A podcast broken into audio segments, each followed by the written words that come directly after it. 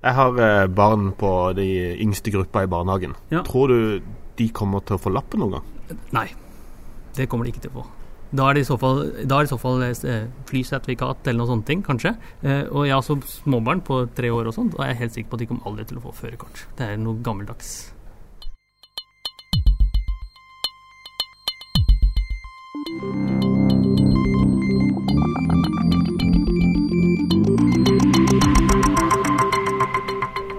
Noen sier det vil løse mange av verdens store utfordringer.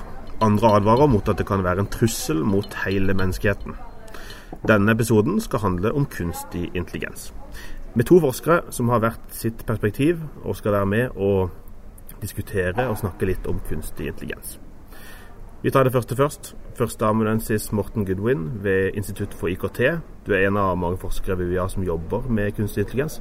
Hva er kunstig intelligens? Så kunstig intelligens det er et eh, fagfelt innenfor IT hvor hensikten er at eh, programmene vi lager skal lære seg selv hvordan de skal oppføre seg.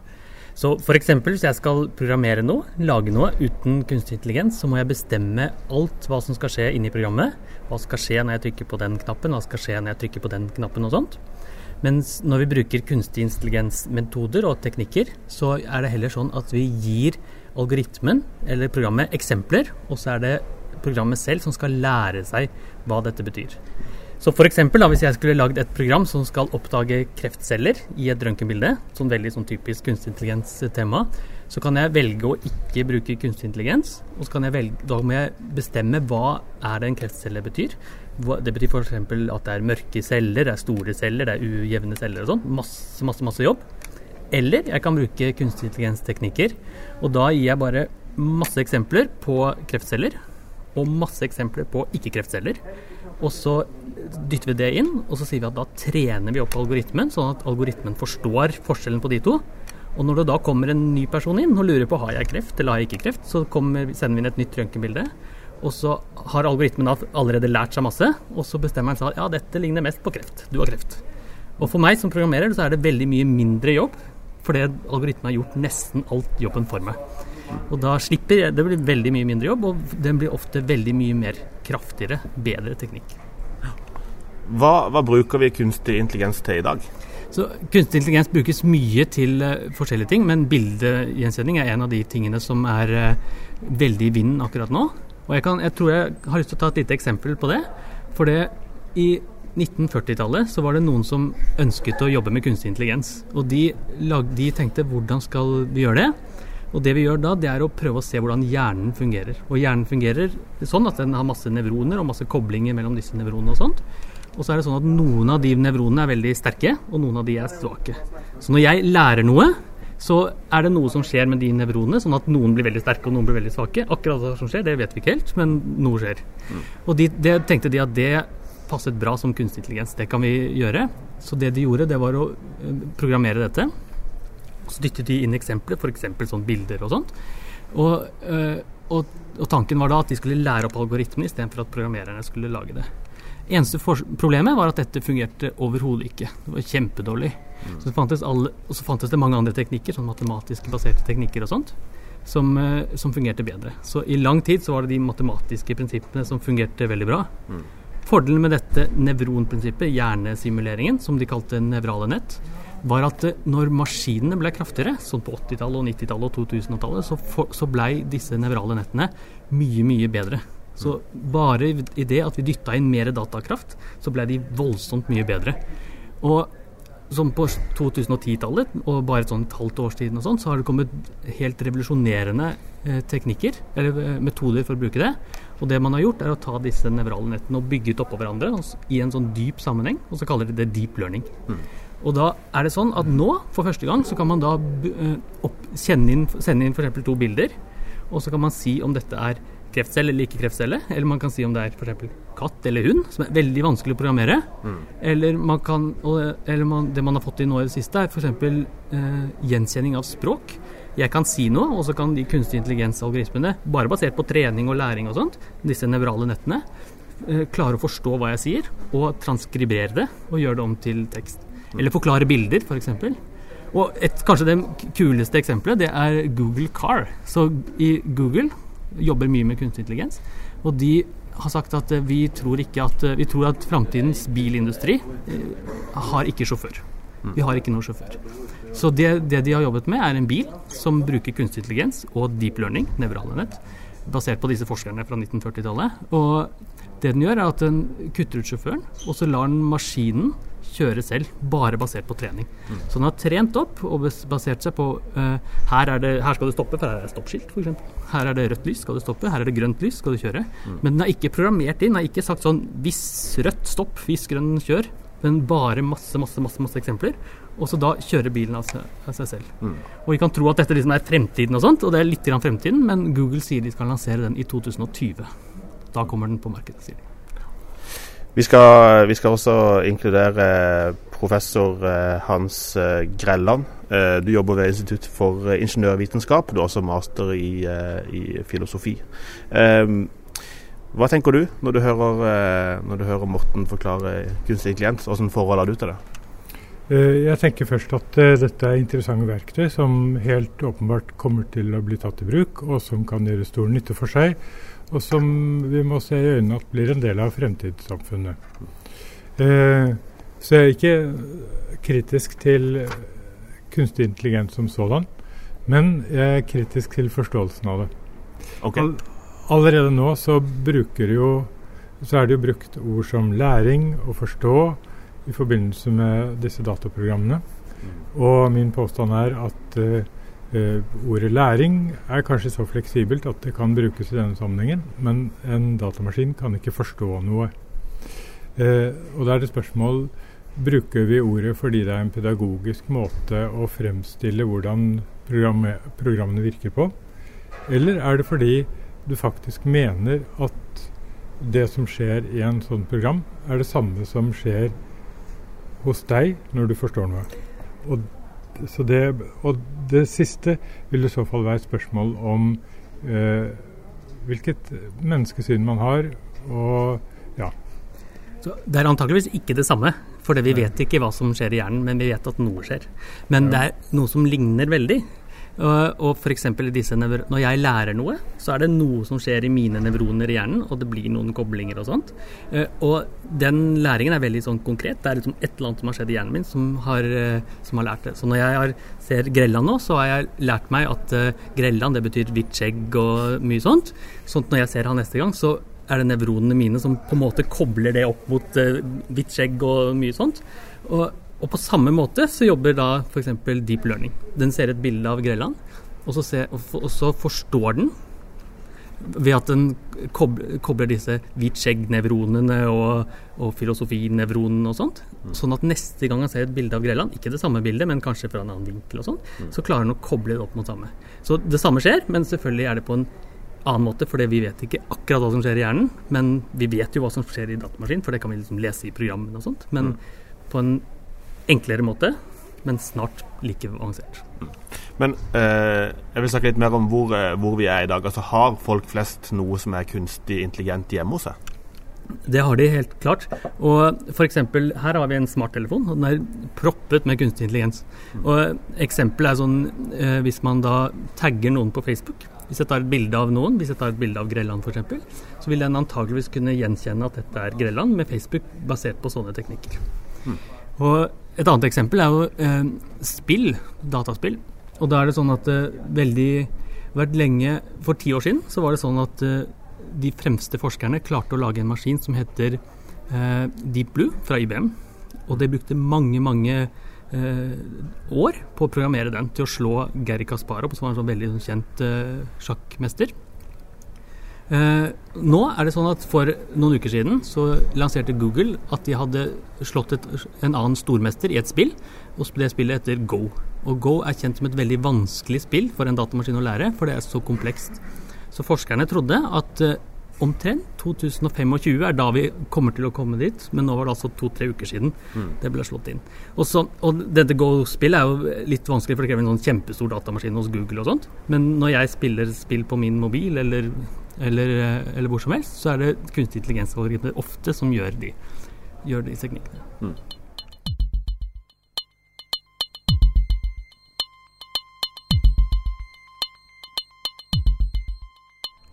Du var innom, eh, innom, dette med Google Car, da, denne ja. bilen. Ja. Eh, Hans Grelland, tror du du noen gang kommer til å sette deg inn i en eh, førerløs bil? Eh, det skal jeg vel ikke utelukke.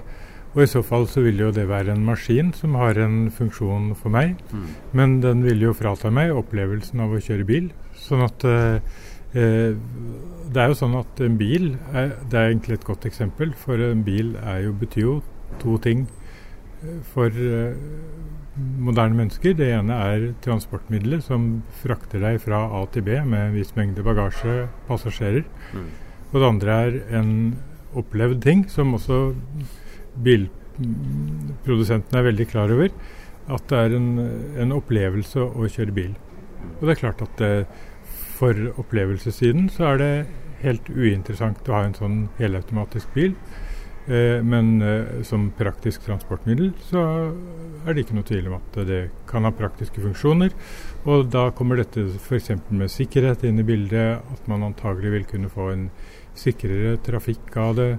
Eh, Bl.a. fordi mennesker har følelser og spiller ut følelsene sine i forbindelse med bilkjøring, noe man ikke burde gjøre. Mm. Altså Det er fint å ha gleden av å kjøre bil, for det stimulerer en til å være fokusert og konsentrert. Men hvis man hisser seg opp, blir sint eh, osv. Og, så videre, og lar det gå utover bilkjøringen, så er det noe man slipper med en automatisert bil. Det er jo sånn at eh, Omtrent 200 mennesker dør i trafikken i Norge hvert år. Og det er helt klart at med en førerløs bil så vil det bli redusert drastisk. Veldig. Eh, men det som er spennende, er når en førerløs bil eh, får en ulykke, når en kjører over en treåring på gangfeltet f.eks. Hvem er det som har skylden? Er det meg som sjåfør? Og det kan det jo ikke være, for det er jo ikke noen sjåfør. Jeg er jo ikke sjåfør. Eller er det, er det Volkswagen som har ansvaret, juridisk ansvaret for den, livet til den treåringen f.eks. Og det er jo et interessant filosofisk spørsmål som politikerne egentlig bør ta tenke på, i hvert fall, før det blir satt ut i praksis. Ja, hva tenker du om det, hva tenker du om det Hans Grelland? Hva, hva, hva skal man gjøre da hvis eh, altså det En ting er jo da ansvars, eh, ansvarsbiten her. Ja. En annen ting som jeg tenkte på eh, før eh, vi satte oss ned her, er jo hva hvis, du, hvis bilen kommer i en sånn fart at den må treffe én av to personer, Ja. altså ikke klarer å unngå begge, hvem skal han velge? Det er en del sånne ting eh, som man trenger kanskje filosofer for å være med og avgjøre. Ja, i hvert fall kanskje for å bidra til å vurdere hvordan vi skal forholde oss til det. For dette er jo en maskin, og den maskinen kommer til å gjøre noe bestemt. Og det, det bestemte skyldes måten den er programmert på. Og selv eh, det som går under navn da læringsprosess her, er, en, eh, er basert på eh, en programstruktur. Og programstrukturen er plassert her av mennesker. Det gjelder jo ikke bare bil, det gjelder jo også dette med diagno medisinsk di mm. diagnostikk og mm. det med å identifisere kreftceller og sånn. Hvis den gjør feil, Mhm. så er det spørsmål om hvem er ansvarlig for feilen. Mhm. Sånn at eh, eh, egentlig så vil man si det er programmerernes feil. Så egentlig er det man må jakte på programmererne, og de finnes det kanskje tusen av når du begynner å spørre hva- hvem er det som egentlig har bygd opp et sånt system. Ja, det må Men så er det kanskje de som har satt det ut i livet, altså de som har bestemt at denne bilen skal på veien, eller dette diagnostiseringssystemet skal brukes. Så vi må tilbake til de menneskene som setter maskinene i bruk, og sier at de har et ansvar for hva maskinen gjør. Det, du kan aldri gi maskinen selv ansvaret. Det kan jo bli veldig skummelt å være programmerer framover, Morten. Det kan bli veldig skummelt, men den avgjørelsen tar jo jeg som sjåfør allerede i dag. Så hvis jeg, hvis jeg kommer framfor en potensiell ulykke, skal jeg kjøre ned den treåringen eller skal jeg kjøre ned den 40-åringen Mm. f.eks., så tar jo den avgjørelsen. Jeg gjør det bare veldig fort. Mm. Og, eh, og det som er viktig å få med, at den avgjørelsen Det blir mye færre av de problemene. Og det vil vi jo. Vi, vi, har jo en sånn nullvisjon, at det ikke skal bli noe utviklere Nei, ikke, bli noen problemer. Men problemene kan jo selvfølgelig bli for utvikleren. Og da er det spørsmål hva er det bilprodusentene vil. Vil de, vil de stoppe hele den prosessen fordi de potensielt kan være juridisk ansvarlig for to-tre dødsfall i året? Eller vil de kjøre på få en, en lovgivning Eller kjøre på kanskje fremme en lovgivning som gjør at ikke de står ansvarlig. Så hvis programmereren blir ansvarlig, så blir, kan det potensielt sette en stopper for en, et fremskritt som er veldig nødvendig, og som kommer sikkert uansett. Men det er bare Og vi må passe på at ikke det settes lov Altså settes programmer, Hvis programmereren blir ansvarlig, så kan det sette en stopper for en teknologi som vi ikke vil sette en stopper for. Jeg har eh, barn på de yngste gruppa i barnehagen. Ja. Tror du de kommer til å få lappen noen gang? Nei, det kommer de ikke til å få. Da er det i så fall, i så fall eh, flysertifikat eller noen sånne ting, kanskje. Så jeg, jeg, også, når Google lanserer sin bil i 2020, så er den selvfølgelig veldig dyr. Så det er, det er sånn at jeg får ikke råd til den, men kanskje hvis jeg blir litt eldre og tjener litt mer penger og sånt, kommer jeg til å få råd til den. Eh, og jeg har også småbarn på tre år og sånt, og jeg er helt sikker på at de kommer aldri til å få førerkort. Det er noe gammeldags.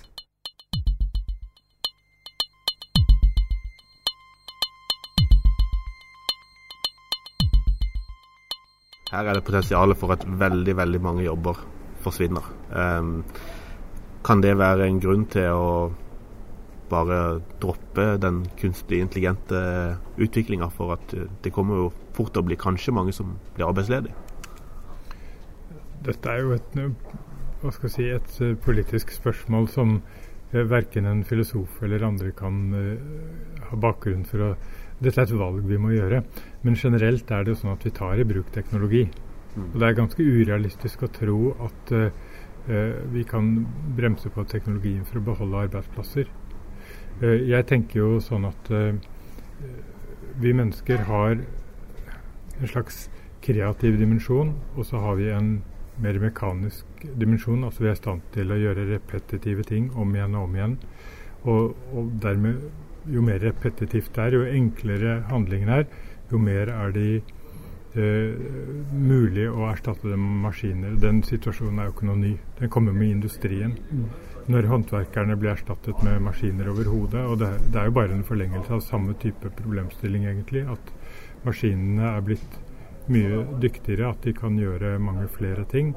Og Det betyr at de får frigjort et menneskelig potensial. Spørsmålet er å forme et samfunn som er sånn at det menneskelige potensialet kan tas i bruk, og folk fortsatt kan aktiviseres. Det, sånn, da minibankene kom, så var det en automatisering. Så det var sånn at Da trengte ikke folk lenger gå til banken for å ta ut 100-lapper og 50-lapper og 20-lapper og sånn som det var den gangen. Uh, og da var det ramaskrik, for da mistet eh, bankfolk jobben. Uh, men det var ingen med vettet i behold som vil påstå at vi skal fjerne minibankene fordi vi skal få bankjobber tilbake. Og det samme er det her. Og mange av de teknikkene her har potensialet til til å endre drastisk på jobbene. Så lege er det noe vi har snakket om. Disse maskinene er flinkere til å ta diagnoser enn det mange allmennleger er. Så da vil i hvert fall allmennlegeyrket endre seg, antageligvis. Og det er eksempler på at eh, disse deep learning-algoritmene er flinkere til å evaluere engelskstiler enn det engelsklærere er. Så hva skal vi da med engelsklærere? I hvert fall får de en annen rolle. Eh, aksjehandel f.eks. er noe som gjøres nesten bare av kunstig intelligens og andre algoritmer. Så, så jeg tror det er noe sånn som 70% av aksjehandelen det skjer med maskiner. Så aksje, de, finansverden er i, er i endring. De, men vi har selvfølgelig behov for menneskene. Men de får en annen rolle. Så vi får kanskje ikke så mange sjåfører. Vi får kanskje ikke så mange allmennleger, eller de får en annen rolle. Vi får kanskje ikke så mange aksjehandler, ikke så mange engelsklærere. Men de får sikkert noe annet å finne på. Ehm, her så, så, eh, så forskes det jo både på kunstig intelligens, og det undervises også til studentene. Er dette noe som unge mennesker i dag er keen på å jobbe, og at det er noe de syns er interessant? Ja, mange er jo keen på å jobbe på det. Og hvis de tar for å reklamere litt, så kan de da lære om dette på master IKT hos oss. Og da har de dette som kurs. Og det er i hvert fall for de som er interessert i det området, syns det er kjempegøy. Og de ser det og, og de får prosjekter som er relevant for dem. Noen prøver nå å lage et uh, kunstig intelligens-metode for å lære seg uh, resultatet av tippekamper, f.eks. Og Jeg er ikke helt sikker på om det går, men hvis det går, så har de da potensial til å tjene masse penger, f.eks. Og da er motivasjonen der. Utrydde tippingen. Og utrydde tippingen. På et ikke sant? For det er klart det undergraver jo hele systemet. Så det, vil jo, det vil jo bare bli en overgangsperiode. Ja, sant. Eh, nå vi- vet jeg ikke om tippingen er det som vil engasjere meg mest som, sånn fra etisk synsvinkel. Men jeg tenker at eh, eh, i denne utviklingen, som er ganske uunngåelig, så blir det viktigste å finne ut av hva et menneske er. Så hva, hva er det som skiller oss fra disse maskinene? Og på en måte så tenker jeg at den teknologien kan hjelpe oss til å utforske nettopp det. Og det kan være en positiv ting. Mm. og finne ut hva som egentlig er det genuint menneskelige ved oss. Og at når vi går tilbake i tid og ser hvordan mennesker ble brukt til industrielle og repetitive jobber, at vi tenker at det er ikke mye til menneskelig utfoldelse som har ligget i mange av de jobbene som etter hvert har blitt erstattet med maskiner. Og Det er jo kanskje sånn at uh, vi får nye typer allmennleger, så blir det er mye mer interessant å bli lege. Mm. Fordi det, vi får ikke om igjen og om igjen denne med de, de, symptomene, ja, da er det den diagnosen. De symptomene, ja, da er det den diagnosen. De slipper denne gjentatte, eh, litt mekaniske delen av jobben, og kan kanskje konsentrere seg om det som eh, man trenger mennesker til.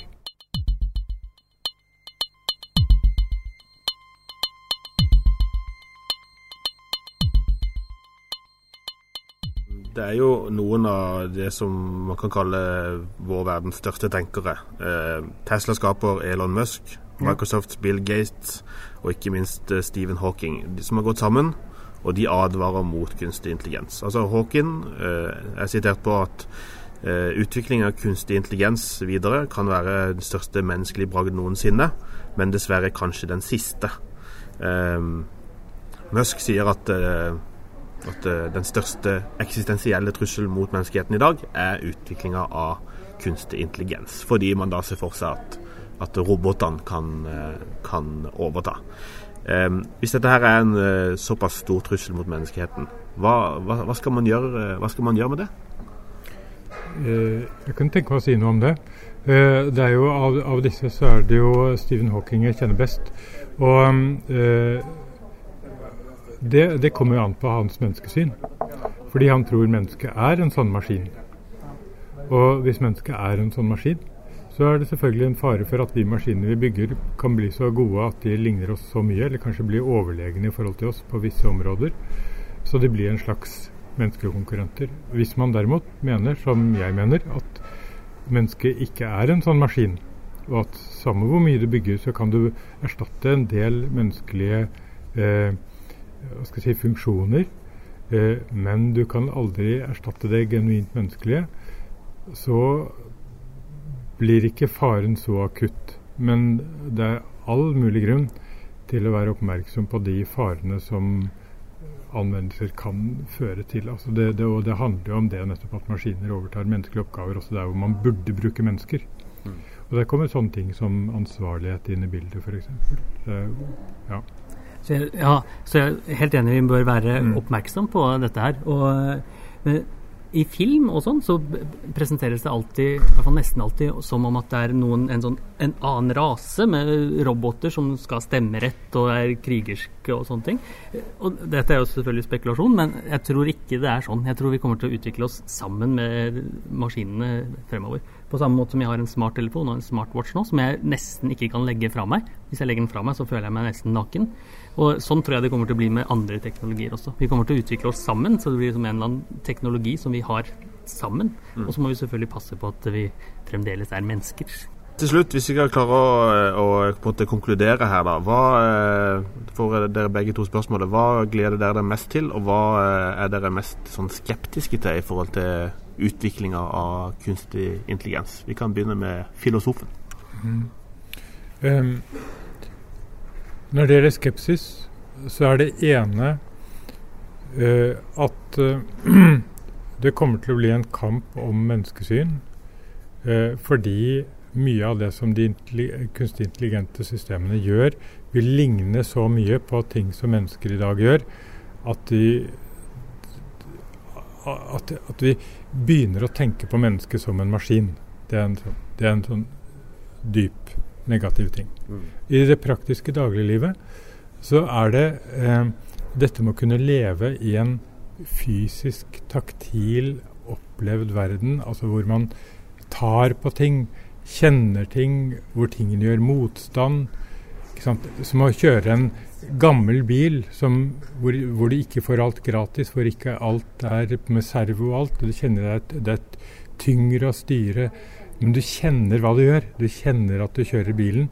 Og, og det samme å åpne en bok i forhold til å lese på en skjerm. At du kjenner papiret, lukten av boken, denne, denne litt fysiske verden. Og på en måte finne en måte å ikke miste disse opplevelsene av å leve i en fysisk verden i, i, denne, i denne nye teknologien.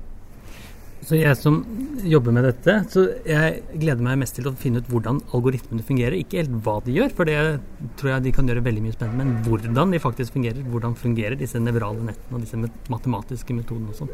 Så, så, det er jo eh, en ting som er vanskelig å si, hvordan de fungerer, og veldig sånn teknisk, og, men utrolig spennende. Mm. Det er jeg skeptisk til. Eh, jeg, er ikke, jeg, er ikke, skeptisk til kunstig intelligens i det hele tatt, men jeg er skeptisk til hvis det settes begrensninger, f.eks. politiske begrensninger. sånn som som at noen skulle si at vi skal ikke ha automatiske biler, for det potensielt er det problemer med det juridiske.